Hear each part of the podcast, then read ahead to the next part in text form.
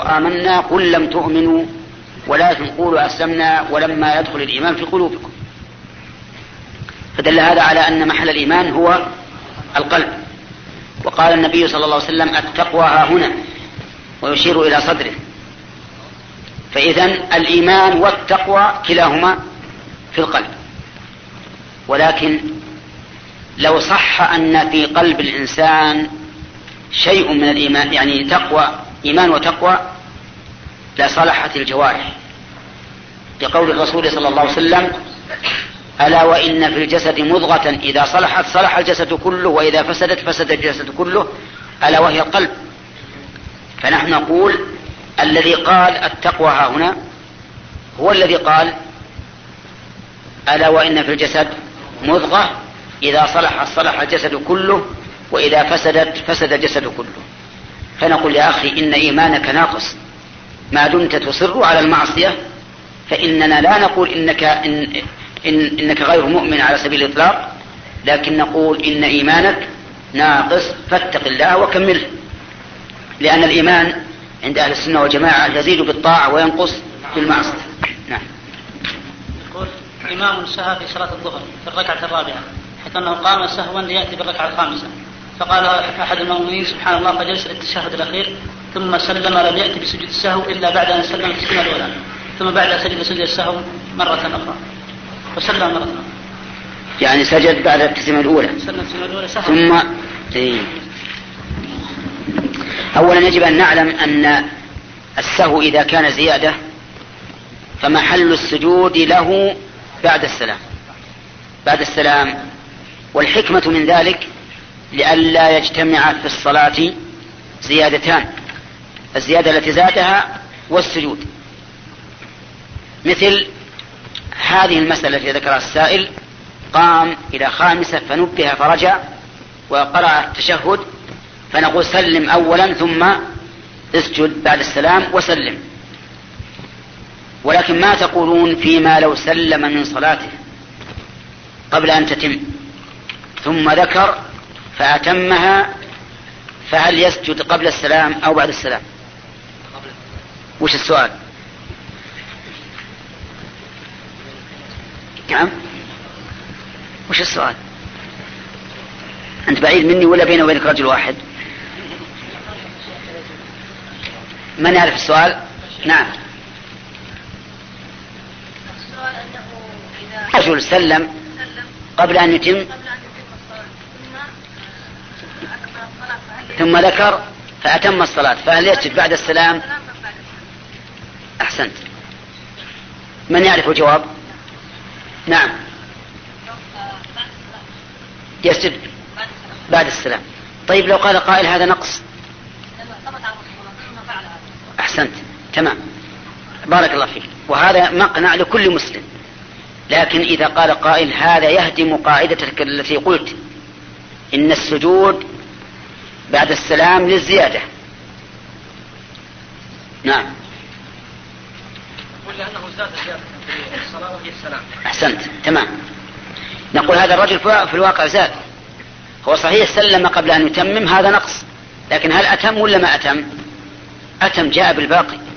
وعلى هذا فيكون في صلاته زيادة. يكون في صلاته زيادة. ولهذا سجد النبي صلى الله عليه وسلم بعد السلام. نعم. ما حكم ما حكم تحية المسجد وما هي الأوقات المنهي عنها منهي الصلاة عنها؟ تحية المسجد على قول أكثر أهل العلم سنة مؤكدة وليست بواجبة. وذكر بعض العلماء أو ذهب بعض أهل العلم إلى أنها واجبة. يأثم الإنسان بتركها. الدليل قول الرسول صلى الله عليه وسلم إذا دخل أحدكم المسجد فلا يجلس حتى يصلي ركعتين. قالوا فنهى عن الجلوس قبل صلاة الركعتين. ولا يجب ذلك لأن النبي صلى الله عليه وسلم قال لمعاذ بن جبل حين بعثه إلى اليمن أعلمهم بأن الله افترض عليهم خمس صلوات في كل يوم وليلة. وتحية المسجد ليست من هذه الخمس. وقال بعض وقال بعض العلماء إنها واجبة واستدل لقوله بأن رجلا دخل يوم الجمعة والنبي صلى الله عليه وسلم يخطب فجلس. فقال له النبي صلى الله, صلى الله عليه وسلم هل صليت؟ أو قال أصليت؟ قال لا. قال قم فصل ركعتين. وجه الوجوب من هذا من هذا الحديث أن الرسول صلى الله عليه وسلم أمره أن يصلي ركعتين في حال يجب عليه أن يستمع إلى الخطبة. فاستماع الخطبة واجب ولا يشتغل عن الواجب إلا بواجب لأن الذي يصلي ركعتين سوف ينشغل عن استماع الخطبة. قالوا وهذا دليل على وجوب صلاة الركعتين. ولا شك أن الذي لا يصلي تحية المسجد قد عرض نفسه للإثم. فإن القول بالوجوب قول قوي جدا. ولولا بعض الأحاديث لكنت أجزم بوجوبها. لكن هناك أحاديث قد يدل ظاهرها على عدم وجوبها. منها أن الخطيب يأتي يوم الجمعة ويصعد المنبر ويخطب الخطبة الأولى ثم يجلس بين خطبتين وهذا جلوس قبل أن يصلي ركعتين. ومنها أيضا قصة الثلاثة الذين دخلوا المسجد. فجلس أحدهم في الحلقة وجلس أحد خلف واحد خلفها والثالث انصرف. ولم يأمرهما النبي صلى الله عليه وسلم بصلاة بالصلاة. على كل حال أنا أقول إن القول بوجوبها قوي وأن الذي لا يصليها قد عرض نفسه للإثم. أما الجزم بالوجوب فأنا أتردد فيه لهذه الأدلة التي ذكرتها لكم. يبقى النظر ما هي الأوقات التي لا يجوز فيها التطوع؟ فنقول هي من صلاة الفجر إلى أن ترتفع الشمس قيد رمح يعني نحو متر وتقريبها بالدقائق عشر دقائق إلى ربع ساعة وعند قيامها حتى تزول يعني في وسط النهار قبل الزوال بنحو عشر دقائق ومن صلاة العصر إلى الغروب. هذه أوقات النهي ولكن القول الراجح أن ما له سبب من النوافل فلا نهي عنه. وتحية المسجد لها سبب وهو دخول المسجد. وعلى هذا فإذا دخلت المسجد في أي وقت كان فلا تجلس حتى تصلي ركعتين. حتى لو دخلت قبل الغروب بربع ساعة مثلا فلا تجلس حتى تصلي ركعتين. نعم. نعم. ما حكم حف اللحية إيش؟ حف اللحية نعم. حف اللحية خلاف ما أمر به الرسول صلى الله عليه وسلم حيث قال وفروا اللحى وحفوا الشوارب فجعل النبي صلى الله عليه وسلم الحف للشوارب وجعل للحى التوفير. وقد روي هذا الحديث بعدة ألفاظ منها وفروا اللحى ومنها أعفوا اللحى ومنها أرخوا اللحى ومنها أوفوا اللحى. وكل هذا يدل على أن أخذ شيء منها خلاف أمر الرسول عليه الصلاة والسلام. فإن قال قائل ما تقولون فيما كان ابن عمر يفعله؟ أنه إذا حج قبض على لحيته فقص ما زاد على القبضة. فالجواب من وجهين الوجه الأول أنه إذا تعارض فعل الراوي وروايته فالمقدم الرواية لأن الرواية خبر عن معصوم والرأي رأي لغير معصوم. ومعلوم أن أن خبر عن الخبر عن المعصوم مقدم على رأي من غير معصوم. ثانيا أن ابن عمر رضي الله عنهما لم يكن يفعل ذلك دائما. إنما يفعله إذا حج. وكأنه رضي الله عنه يرى أن هذا من تمام من تمام التفث الذي يقضيه الحاج. وعلى كل حال فإن رأي ابن عمر رضي الله عنه معرض للخطأ وأما قول النبي صلى الله عليه وسلم فهو قول معصوم. ونحن يوم القيامة لا نسأل عن فعل ابن عمر ولا عن من هو أكبر من ابن عمر من غير الرسول عليه الصلاة والسلام ولا عن من دونه. إنما نسأل عما أجبنا به الرسل. ويوم يناديهم فيقول ماذا أجبتم المرسلين؟ نعم الله المستعان. فضيلة الشيخ كيف نرد على من قال انه إنه ثبت أن رسول أن الله ينزل إلى السماء الدنيا كل ليلة ولكن الليل يختلف من منطقة إلى أخرى؟ فهنا نهار وهناك ليل هل يتكرر نزول أم كيف؟ سبق الجواب على هذا أليس كذلك؟ وقلنا إن هذا السؤال بدعة ويرد على قائله لأن الصحابة ما سألوا هذا السؤال وهم أعلم بالله منا وأشد حبا منا للعلم وأتقى منا لله وأشد تعظيما منا لله عز وجل فيسعون ما ما يسعهم ونقول ما دام ثلث الليل باقيا على منطقة فالنزول الإلهي ثابت وإذا طلع الفجر فلا نزول باعتبار هذه المنطقة.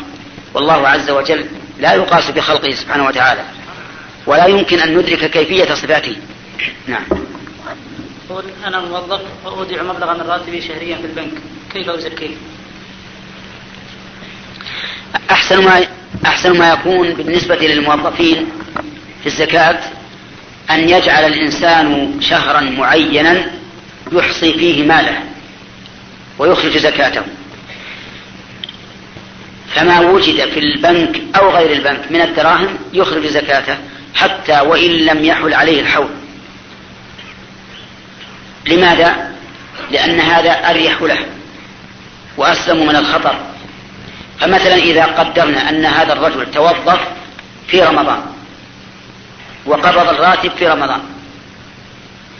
فإذا جاء رمضان من السنة الثانية فليخرج الزكاة حتى زكاة شهر شعبان مع أنه ليس له لم يتم له إلا شهر. لأن ذلك أسلم لأنه لو أراد أن ينظر إلى كل شهر بعينه تعب وأشكل عليه الأمر. فإذا أخرج الزكاة جميعا فإن ما تم حوله فقد أخرج في وقت زكاته وما لم يتم فإن زكاته تكون معجلة وتعجيل الزكاة لا بأس به.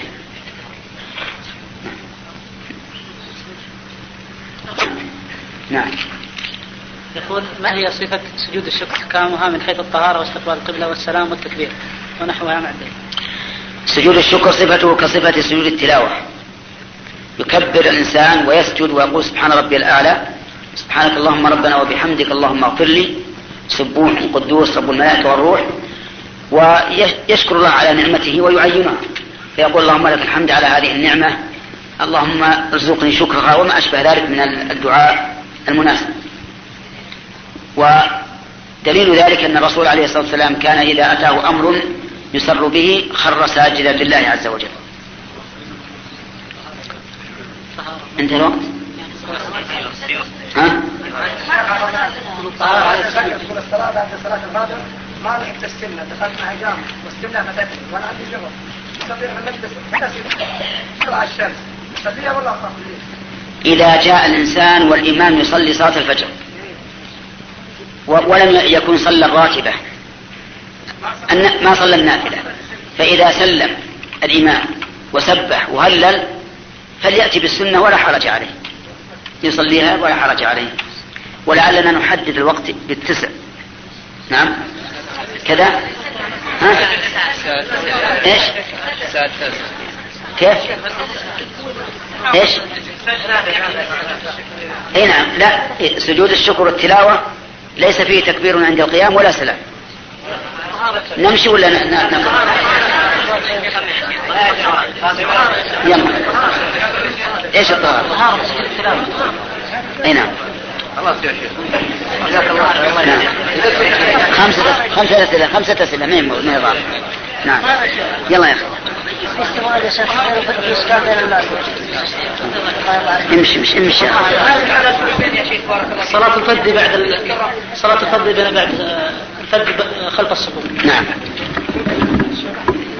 يقول عن صلاة الفجر خلف الصف. الجواب أن الإنسان إذا أتى والصف تام فلا بأس أن يصلي وحده. إذا أتى والصف تام فلا بأس أن يصلي وحده. لأن المصافة واجبة.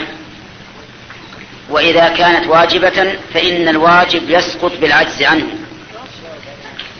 فإذا أتيت ووجدت الصف تاما فصل مع الجماعة ولو كنت منفردا خلف الصف. وذلك لأنك إذا وجدت الصف تاما. فلننظر. إما أن تنصرف.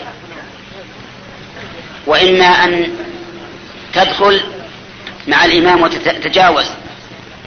وإما أن تجذب واحدا يدخل معك يصف معك.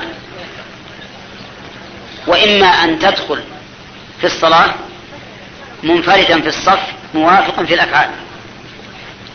وهذا الأخير هو أولى هذه الأقسام فليكن هو المشروع. لأنك لو انصرفت فاتتك الجماعة والمصافة ولو جلبت غيرك حصل بذلك فرجة في الصف وتشويش على غيرك واعتداء عليه بنقله من من الفاضل إلى المفضول وسبب لتحرك الصف كله لأن المأمومين سوف يتحركون يقرب بعضهم إلى بعض. ولو ولو دخلت مع الإمام لزم من ذلك مخالفة السنة لأن السنة إذا كان الجماعة ثلاثة فأكثر أن يتقدمهم الإمام ويقف وحده ولا يصف معه أحد. فتبين بهذا أنه يجوز للإنسان إذا وجد الصف تاما أن يصلي خلف الصف منفردا ولا بأس بذلك. ولا يعيد الصلاة. وأما حديث لا صلاة لمنفرد خلف الصف حمله أكثر أهل العلم على أن هذا النفي نفي للكمال وليس نفي للصحة. وقد ذهب إلى هذا إلى هذا الأئمة الثلاثة الشافعي ومالك وأبو حنيفة وهو رواية عن الإمام أحمد. لكن القول الراجح أن النفي نفي للصحة هذا مقتضى القواعد. لا سيما وقد رأى النبي صلى الله عليه وسلم رجلا يصلي خلف الصف فأمره أن يعيد. إلا أننا نقول ما تعذر الوقوف في الصف تعذر فعل الواجب فسقط. ولهذا تصف المرأة وحدها خلف الصف. إن وقوفها في الصف تعذر شرعا. تعذر الحسي كالتعذر الشرعي. فإذا تعذر وقوف الإنسان هذا في الصف فإن له أن يصلي خلف الصف. هذا القول هو الوسط أقوال ثلاثة قول تطلق قول تصح مطلقة قول الثالث الوسط تصح إن كان لم يجد تصح إن وجد مكانا وهذا خشية الثالث كيف يبدأ طالب العلم؟ وما هي؟ أولا طالب العلم ينبغي أن لا يطلب العلم إلا على شيخ يثق بعلمه ودينه. وهو الذي يحفظ إنها نافعة. قاعدة أن طالب العلم المبتدئ يبدأ بالكتب المختصرة. إنسان عند شبابه أولا لا يحمل إلا الشيء. إيش؟ كبر شوي شوي سين. ستين أحد يحمل 80 كيلو؟ ها؟ ما في أحد يحمل 80 كيلو. كل حال طالب العلم المبتدئ يجب أن يعامل نفسه معاملة حال.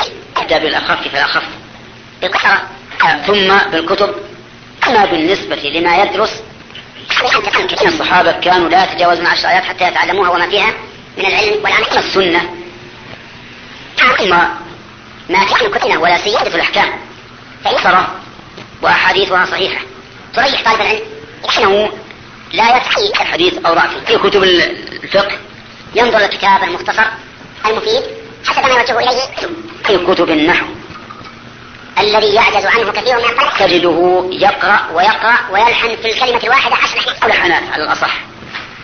هذا الحكمية مختصر مفصل ومبارك بإذن الله. ثم بما زاد عنها وأنا أحث طلبة الجامعة أو الذي في مثل الجامعة النحو إنها في الحقيقة خلاصة تفيد الإنسان. هنا غسل يوم الجمعة. سنة مؤكدة عند أكثر أهل العلم. القول الراجح أن النبي صلى الله عليه وسلم قال غسل كل محتلم. على كل دائمة واجب قد محمد رسول الله صلى الله عليه وسلم.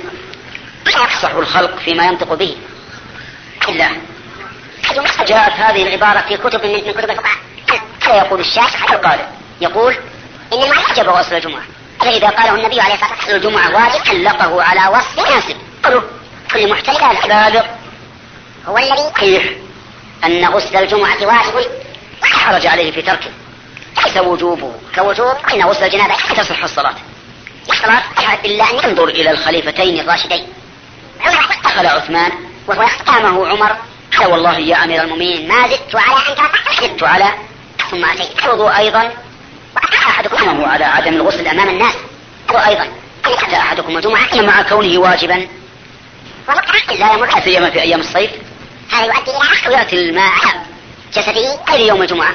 مثلا أو حل التبرد أو ما قال الرسول عليه الصلاة والسلام واجب كل محل لنا نقتصر على هذا. نعم.